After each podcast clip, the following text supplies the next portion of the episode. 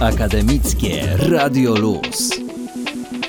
Dzień dobry, drogie słuchaczki drodzy słuchacze, tu Michał Sołkowski. Dziś mamy czwartek wyjątkowy, to mówiąc wprost, czwartek wyborów nowego rektora Politechniki Wrocławskiej. I w takim właśnie klimacie zmian rozpoczynamy magazyn Dzieje się. Będzie akademicko. Ósma edycja Kubka dla Wykładowcy pozwoliła wybrać mistrzów internetowego nauczania. Naszą skrzynkę zalała lawina zgłoszeń od studentów profesor Doroty Zyśko z Katedry i Kliniki Medycyny Ratunkowej na Uniwersytecie Medycznym. Tomek Pietrucha porozmawiał ze specjalistką o tym, jak przebiegała nauka zdalna w trudnym czasie pandemii, kiedy medycy i tak mieli pełne ręce roboty. Janek Wysocki zabierze nas do Chile w kolejnej odsłonie cyklu Władza jedno ma imię. Przeprowadzi nas przez krwawe rządy generała Augusto Pinocheta. Powie o puczu, który pozwolił mu rządzić, represjach na opozycji i rosnącym wpływie Niemców. Rozmowę o startującym jutro w Nowych Horyzontach tygodniu kina hiszpańskiego przygotowała zaś Emilia Andrzejczuk. Piotra Czerkawskiego zapytała o najciekawsze, najbardziej nagradzane tytuły, jakie pojawią się w 20. edycji imprezy. Będzie więc mocny powrót Amenabara. Będzie animacja niekoniecznie dla dzieci. Będzie w końcu czarno-biała opowieść o detektywie, która wyszła spod ręki reżysera już czterokrotnie nominowanego do Oscara. Szczegóły pojawią się po 15. Będzie też u nas niezły jazz. Opowie o nim Piotrek Downar-Zapolski. Vertigo Jazz Festival, czyli lipcowe improwizacje instrumentalne w parkach, na miejskich plażach albo w tramwajach. Warto być z nami. Ruszamy. Radio Luz 91 i 6 FM. Go ahead. Akademickie Radio Luz na 91,6 FM i mamy małe podsumowanie naszego corocznego plebiscytu Kubek dla wykładowców. Jest już z nami pani profesor Dorota Zyśko z Uniwersytetu Medycznego we Wrocławiu. Dzień dobry. Dzień dobry. Jest pani pierwszą osobą z Uniwersytetu Medycznego, e, która e, dostała e, taką nagrodę, z tego co pamiętam. Jak się zdobywa taką sympatię studentów? Co zrobić, żeby tyle osób jednak chciało wysłać takie zgłoszenie? No ja przede wszystkim chciałam bardzo serdecznie podziękować za te wszystkie głosy. No, aż nie czuję się godna ich, tak powiem szczerze ale no, no jestem bardzo no, szczęśliwa i bardzo wszystkim dziękuję. A jak się, że tak powiem, e, takie głosy zdobywa, dlaczego studenci zechcieli na mnie e, no, zagłosować? No ja myślę tak naprawdę w sercu, że prawdopodobnie składa się na to w ogóle praca całego mojego zespołu, a ja jestem tylko takim no jakby przedstawicielem, bo wiem, że moi koledzy zawsze są bardzo zaangażowani, że zależy im na tym, żeby pokazać coś ciekawego studentom. Myślę, że po prostu to jest pokłosie tego. I nauczanie online online. Chciałem zapytać, jak to zmieniło relacje ze studentami i, i ten proces dydaktyczny? Czy, czy jest trudniej, czy, czy może paradoksalnie łatwiej? No, ja myślę, że dla nas, jako dla prowadzących, zdecydowanie trudniej, bo o wiele łatwiej jest po prostu pójść na SOR, zobaczyć, kto został przywieziony, czy przyszedł sam, wziąć jego dokumentację, podejść do pacjenta, porozmawiać z nim, przedstawić potem studentom tą dokumentację, wyniki badań, usiąść z nimi, omówić tą sytuację, zastanowić się, co należałoby zrobić z tym pacjentem. O wiele trudniej jest, jeżeli tego pacjenta fizycznie nie ma, bo my musimy wszystko przygotować. I pomyślałam, po rozmowie z kolegami ustaliłam, że my po prostu będziemy starać się przygotowywać dla nich przypadki kliniczne, które no, w różnym tam zakresie będziemy omawiać. I jeden z kolegów, jak do mnie zadzwonił, to powiedział, że on właściwie taki przypadek kliniczny na zajęcia, to on szykował cały dzień, 8 godzin, może dłużej nawet. Po prostu, że zanim znalazł odpowiednie zdjęcia, nie tylko z tego przypadku, ale również do omówienia. Oczywiście no, przypadek przypadkowi nie jest równy i w miarę, że tak powiem, doświadczenia człowiek pewne rzeczy robi szybciej. Tym niemniej, jeżeli chce się w taki sposób, że tak powiem, te zajęcia poprowadzić, to wymaga to od prowadzącego więcej takiego zaangażowania, przygotowania, niż takie zajęcia, które on prowadził na zasadzie, że po prostu przyszli studenci na zajęcia kliniczne, a on ewentualnie jak prowadzenie zrobił to odnośnie do tematu. To naprawdę dużo czasu zajmuje, ale też nam też coś daje jako prowadzącym, bo jak tak rozmawiałam z kolegami, to oni przede wszystkim powiedzieli, że no sobie, że tak powiem, uszykowali jakieś takie już interesujące, ciekawe przykłady, które chętnie też studentom będą mogli przedstawiać kiedyś indziej, już innym może studentom, bo nie zawsze sorze akurat będzie pacjent, u którego będzie ta jednostka chorobowa, którą byśmy chcieli akurat omówić. A jeżeli my sobie już tak solidnie przygotujemy materiały dotyczące tej jednostki, czyli nie tylko, że po prostu taka jednostka istnieje, tylko jak ona na przykład konkretnie mogła wyglądać, co nas spotkało, czyli coś takiego z życia wzięte, no to też jest takim no, zdobyciem tego materiału na, później, na późniejszą, miejmy nadzieję, już taką niekoniecznie pracę zdalną, ale jednak, żeby studenci też tego pacjenta mogli zobaczyć. No właśnie, a czy na zajęciach u pani profesor studenci zadają dużo pytań, czy, czy boją się zadawać pytania, czy jednak dochodzą do tej wiedzy samemu właśnie przez y, zadawanie pytań? No ja zawsze bardzo wszystkich zachęcam do zadawania pytań, bo uważam, że nie ma głupich pytań, że po prostu jest taki ogrom wiedzy w medycynie, że no nie sposób dojść do tego wszystkiego samego. Te pytania trzeba zadawać. Im studenci będą zadawać więcej pytań, uzyskiwać na nie odpowiedzi, to oni będą więcej wiedzieć. Ja bardzo proszę moich kolegów, żeby nigdy nie mówili, że jakieś pytanie jest głupie. Ja nie mówię, że moi koledzy zawsze tak zrobią, ale ja ich bardzo to proszę, że ktoś coś powinien wiedzieć. W ogóle na, dostaję alergii na sformułowanie, że ktoś mi mówi tak, że czy student zadaje pytanie, dodaje na przykład, że ale przepraszam, bo może bo powinien to wiedzieć. Co znaczy powinien to wiedzieć? Tej wiedzy jest tak dużo, że jeżeli ktoś czegoś nie wie, to najlepiej, żeby się zapytał i tą wiedzę dostał a nie po prostu dyskutować na ten temat, czy on to powinien wiedzieć, czy nie powinien wiedzieć. Nawet jak 100 razy się mnie to samo zapyta, ja mu 100 razy odpowiem. Mówiła też Pani o tym, że, że medycyna to jest taki ogrom wiedzy, że często jest taki syndrom tego, że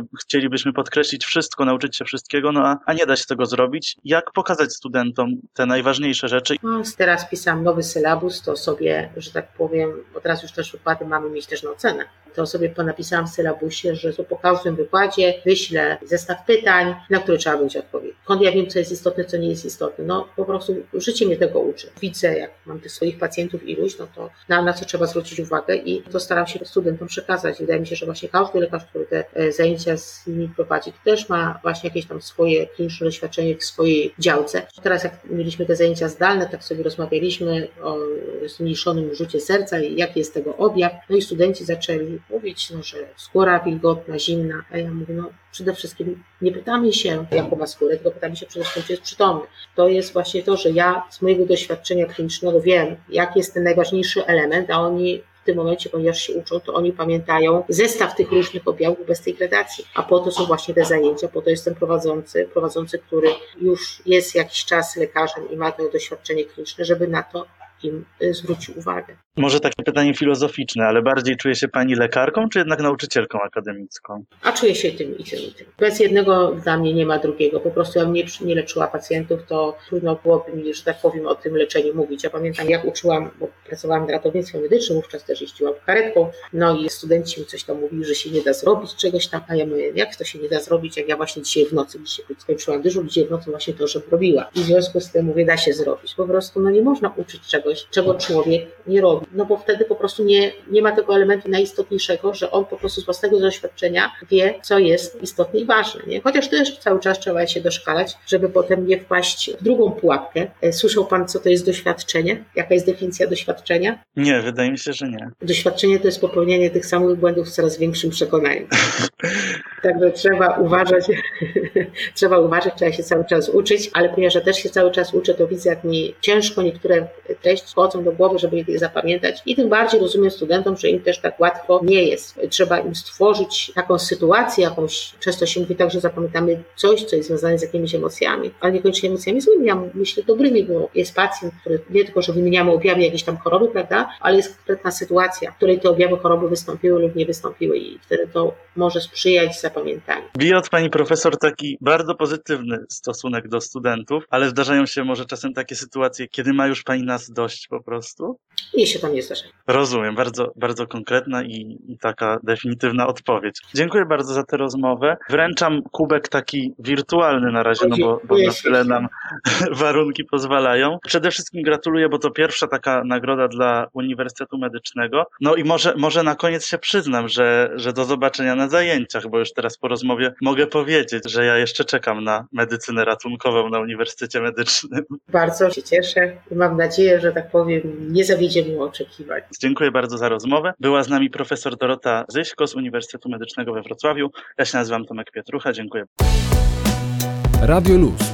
Włącz się na 91 i 6 FM oraz na 916.fm. Witam wszystkich serdecznie w kolejnym odcinku cyklu Władza jedno ma imię.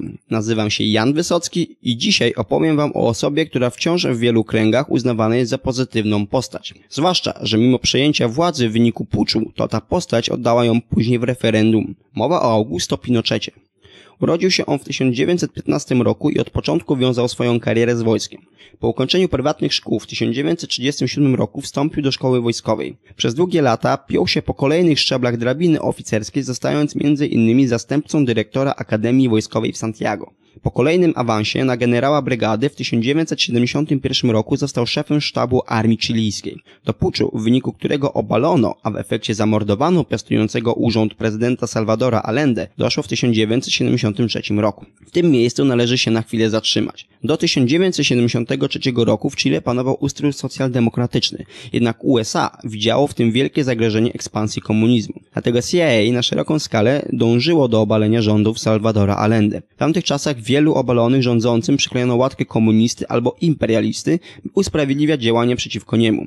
Jako, że to ostatecznie ZSRR upadło w dzisiejszej świadomości, Augusto Pinochet mimo wszystko nie jest powszechnie uznawany za kogoś złego, lecz osobę, która walczyła z komunizmem. 11 września 1973 roku doszło do puczu, w wyniku czystek i likwidacji opozycji zginęło w ciągu 5 dni nawet 15 tysięcy osób. Na początku pomysłem na rządy hunty była rotacyjna władza dowódców wszystkich sił zbrojnych, jednak bardzo szybko Augusto Pinochet skupił ją tylko we własnych rękach. Przystąpił on do natychmiastowych zmian gospodarczych w nurcie ekonomicznej szkoły chicagowskiej Miltona Friedmana. Jednak oni po pewnym czasie stwierdzili, że to co się dzieje w Chile to już co najwyżej kapitalizm dla kolegów i zerwali z nim współpracę. Sprywatyzowano absolutnie wszystko, nawet wodociągi.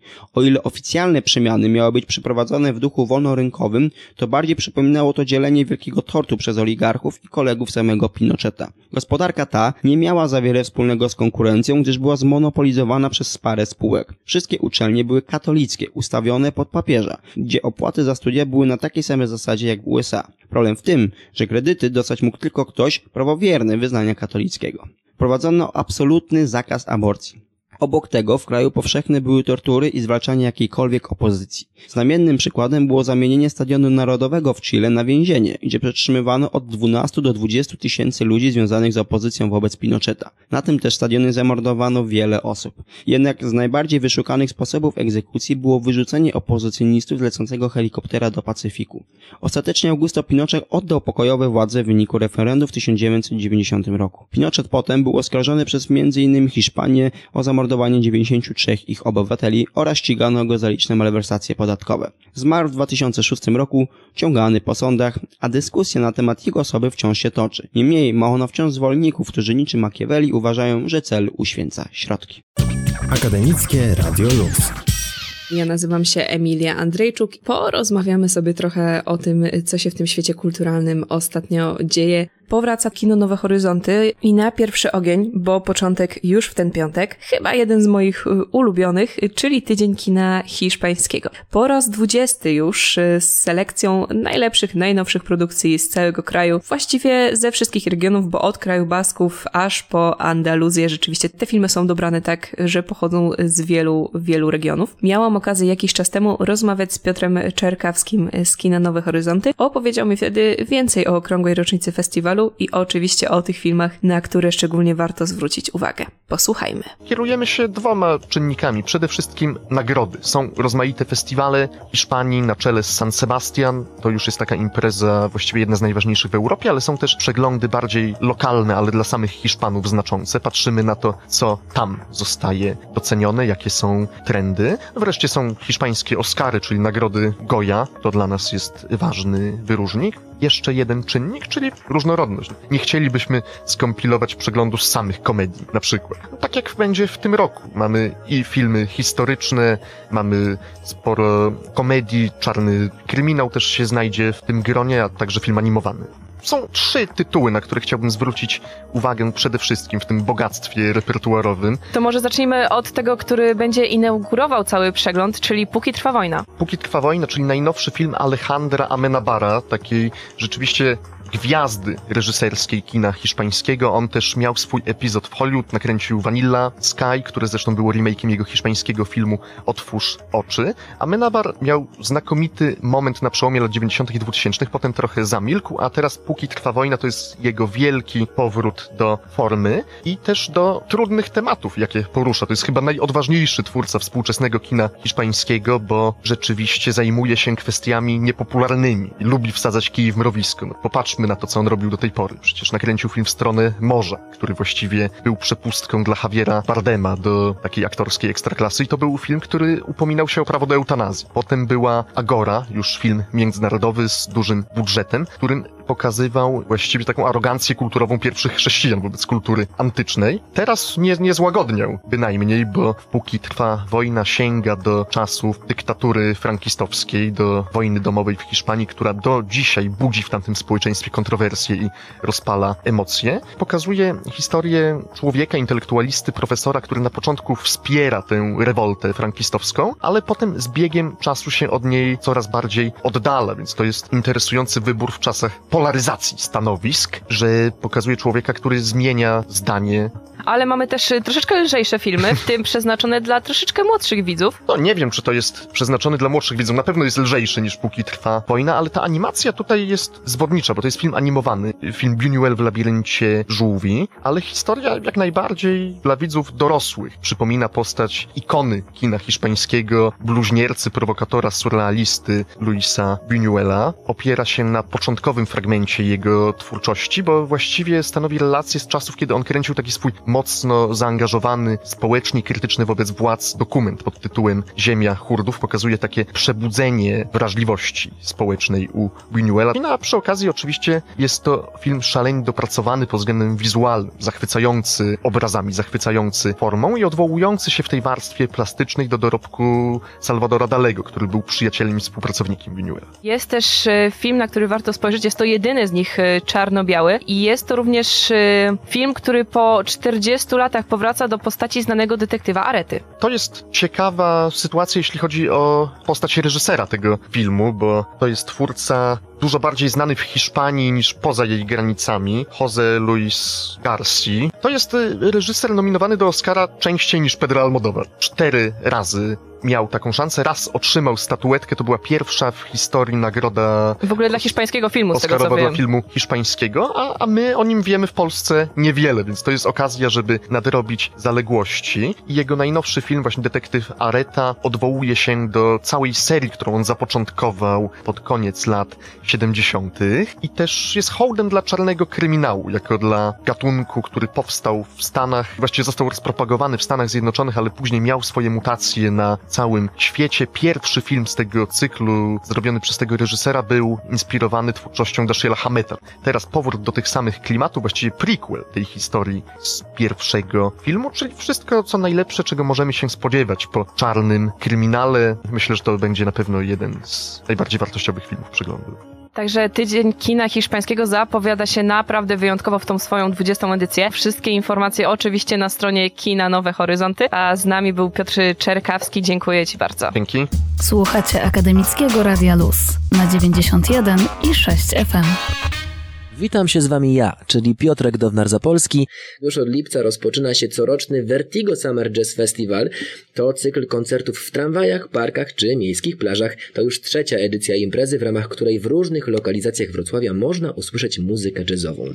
Pomysł na festiwal wziął się z potrzeby promocji muzyki jazzowej w przestrzeni miejskiej Wrocławia. Chcemy trafić do jak największej liczby miejsc, dlatego nie skupiamy się na jednym punkcie, a razem z muzyką podróżujemy po Wrocławiu, zarażając wszystkich naszą sympatią i miłością do jazzu. Festiwal Vertigo to próba przełamania zamkniętych form muzyki jazzowej i pokazania jej szerokiej publiczności. To promocja zarówno ciekawych miejsc we Wrocławiu, jak i wspaniałych wrocławskich muzyków, zapewniają organizatorzy wydarzenia. Przez wszystkie 31 dni lipca będziecie mogli we Wrocławiu usłyszeć jazz w przeróżnych lokalizacjach, a koncerty również codziennie dodatkowo oczywiście w Vertigo Jazz Club i na Wyspie Daliowej. Festiwal startuje już przyszłą środę, a wszystkie szczegóły dotyczące wydarzenia co, gdzie, kiedy znajdziecie oczywiście na stronie internetowej organizatora oraz jak zawsze na Facebooku. To jak widać bardzo muzycznie i z grubej rury rozpoczynają nam się tegoroczne wakacje. Zachęcam do korzystania z muzycznego spędzenia czasu, bo po tak długiej domowej kwarantannie i tak naprawdę braku jakichś większych możliwości wyjazdowych w tym roku, to jest to niezła opcja na przyjemnie spędzone wieczory nad brzegiem Odry, bo jak wiemy muzyka oczywiście łagodzi obyczaje, więc teraz muzyka będzie łagodzić obyczaje również u nas w Akademickim Radiu Luz na 91 i 6 FM. Akademickie Radio Luz.